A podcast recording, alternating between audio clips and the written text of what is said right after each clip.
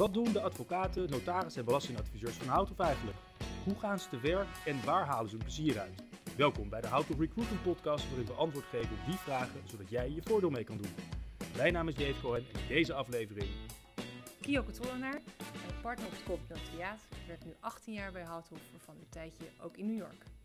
Jij bent notaris en aan de hand van jouw notariële praktijk gaan we vandaag een, een zaak eruit lichten. Ja, VTTI is een uh, groot conglomeraat dat uh, eigenlijk vooral energie opslaat overal ter wereld.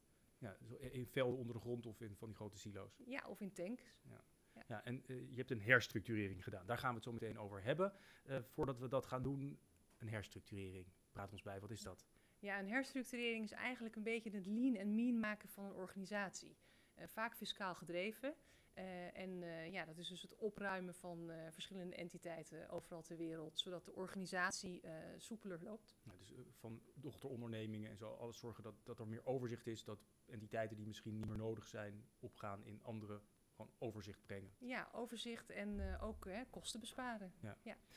Nou, was dit een bijzonder grote uh, zaak, als ik uh, goed heb geïnformeerd. Je hebt het in een korte tijd een enorme hoeveelheid landen uh, samengebracht of meegewerkt. Hoeveel landen in totaal besloeg deze zaak? Ja, het waren 26 landen. 26? Ja, ja we hebben met een groot team hebben we ja, eigenlijk negen maanden aan deze zaak uh, gewerkt. Maar dus ook met, uh, met kantoren uh, uit de hele wereld. Hè. Houthof is, is lid van Lex Mundi.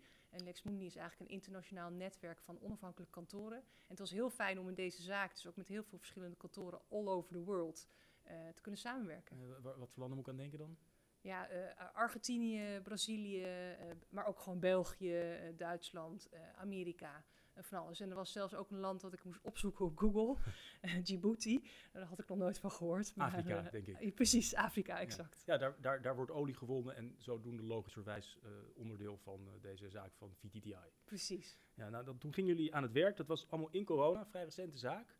Dat is wel fijn dat je toch een beetje hebt gereisd in die tijd. Ik neem aan dat je niet 26 landen hebt bezocht. Nee, ik heb het, ik heb het hoofdkantoor in Rotterdam uh, heb ik, uh, heb ik bezocht. Maar uh, ja, de rest allemaal natuurlijk via videocalls en Zoom-meetings. Ja, en waar draait zo'n zaak? We gaan niet heel uitgebreid over die zaak inhoudelijk hebben. Dat voert waarschijnlijk te ver. Maar ik, ik, waar ik nieuwsgierig naar ben, is als je dus over zoveel schrijven, op zoveel schaakborden tegelijk bezig bent.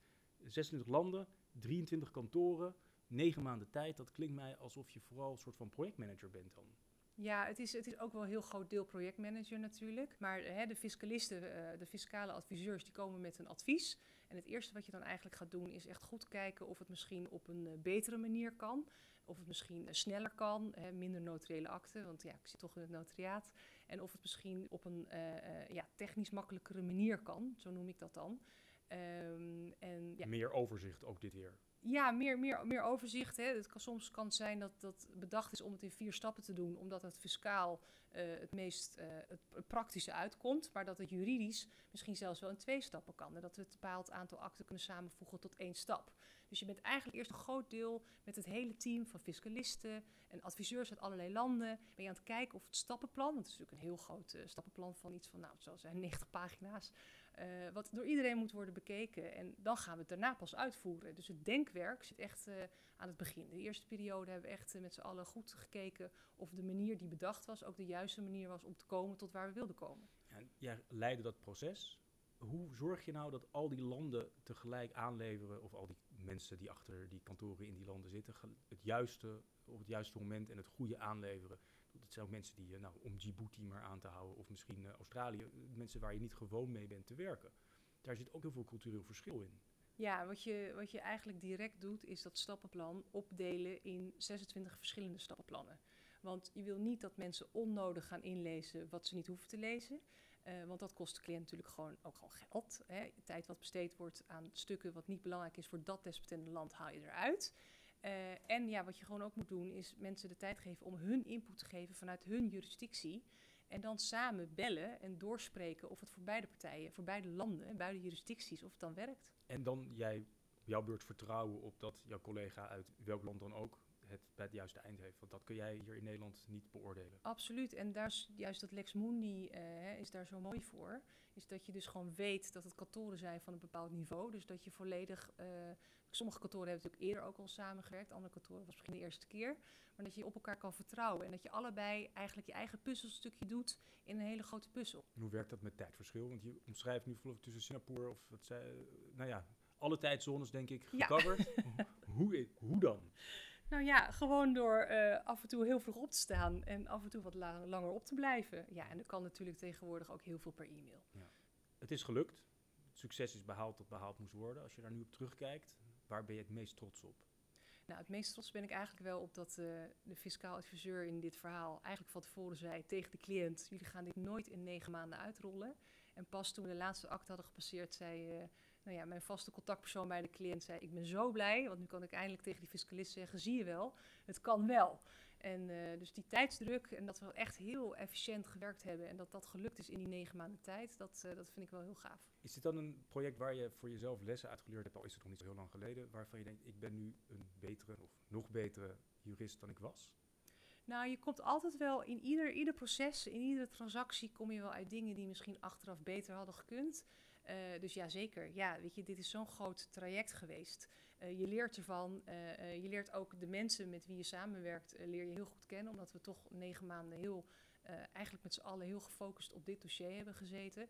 Dus ja, je leert daar zeker. Je neemt zeker weer nieuwe lessen mee voor een volgend traject. Ja, en, als je dan terugkijkt naar die, naar die cliënt, VTTI, die, die is dus geherstructureerd. Daarmee zou je kunnen zeggen, heeft een verbouwing ondergaan. Dat is een ander bedrijf misschien wel geworden dan ze waren voordat jullie aan de slag gingen. Hoe kijk je nu naar zo'n cliënt? Is dat dan eigenlijk een beetje van jou geworden? Of is het als de laatste acte gepasseerd is en misschien de champagne, de kurk van de fles is, dat, nou, we gaan weer door met het volgende. Nou, het is wel, ik moet wel zeggen, de mensen van deze specifieke cliënt, het zijn hele leuke mensen. Eh, het is heel bijzonder hoe we zo close met elkaar hebben samengewerkt. En eh, nou ja, je ziet over en weer, zij hadden ontzettend leuk monop Monopoly-spel laten maken van alle eh, bedrijven en terminals all over the world. Hè, om ook gewoon de transactie intern te vieren. Nou, wij hebben daar ook een exemplaar van gekregen.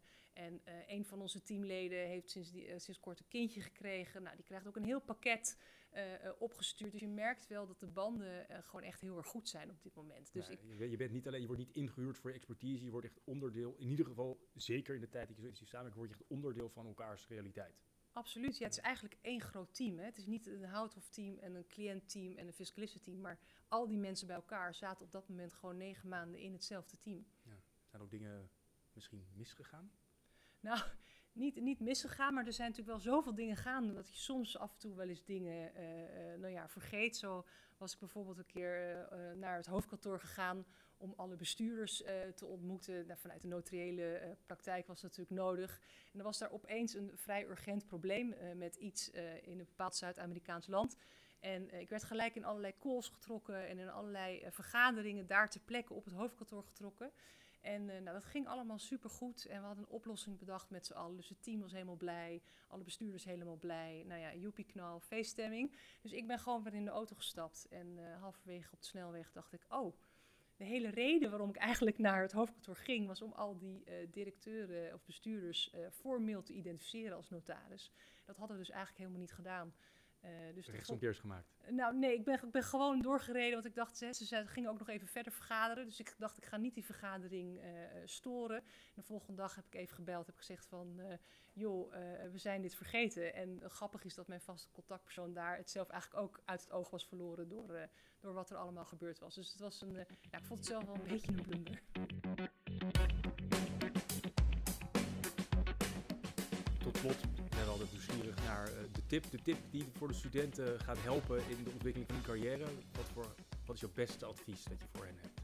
Nou, ik vind zelf, eh, vind ik, eh, ja, work-life balance, of eigenlijk gewoon balans in je leven, vind ik heel belangrijk. Je leeft maar één keer, dus eh, let goed op jezelf en zorg ervoor dat je hetgene wat je doet, dat je dat ook leuk vindt. Ehm, Maar je gaat er niet altijd helemaal zelf over. Nee, dat klopt. En zeker als je, zeker als je net begint, hè, zeker bij een groot kantoor, dan, eh, ja, dan, dan moet je gewoon heel vaak werken en dingen doen die vooral wat ouderen, wat seniors, hè, het werk wat zij aan jou geven op dat moment. Eh, maar ja, als voorbeeld eh, vertel ik erover dat toen ik begon bij Houthof... en eigenlijk de eerste zes jaar bij Houthof... heb ik nog op landelijk niveau gehockeyd. Dat vraagt veel tijd. Ja, dat was toch wel drie, vier keer in de week trainen en op zondag uh, nou ja, uh, gewoon de wedstrijd. Uh, en dat is gewoon wel gelukt, omdat ik altijd heel transparant daarover was. Zowel richting de partner voor wie ik werkte, maar ook hè, dus op een gegeven moment heb je wat meer je eigen cliënten. Om gewoon daar open over te zijn. Ik bedoel, cliënten zijn vaak ook vaders die op een gegeven moment met hun kinderen aan de slag moeten. Of moeders. En, uh, ja, en ik, ik stond dan op het hockeyveld en zij moesten dan hun kinderen ophalen. En dan, uh, ja, dan, dan hadden we het erover. En dan hadden ze ook alle begrip voor. Dus op het moment dat je daar transparant over bent en zorgt dat je er zelf ook gewoon op let, dan kan dat vaak heel goed gaan. Dankjewel Kyoko. Tot zover de Hout of Recruitment podcast. Wil je meer weten over het werken bij Houthof? Ga dan naar houthof.com slash carrière. Abonneer je op deze podcast. Veel dank voor het luisteren en tot de volgende keer.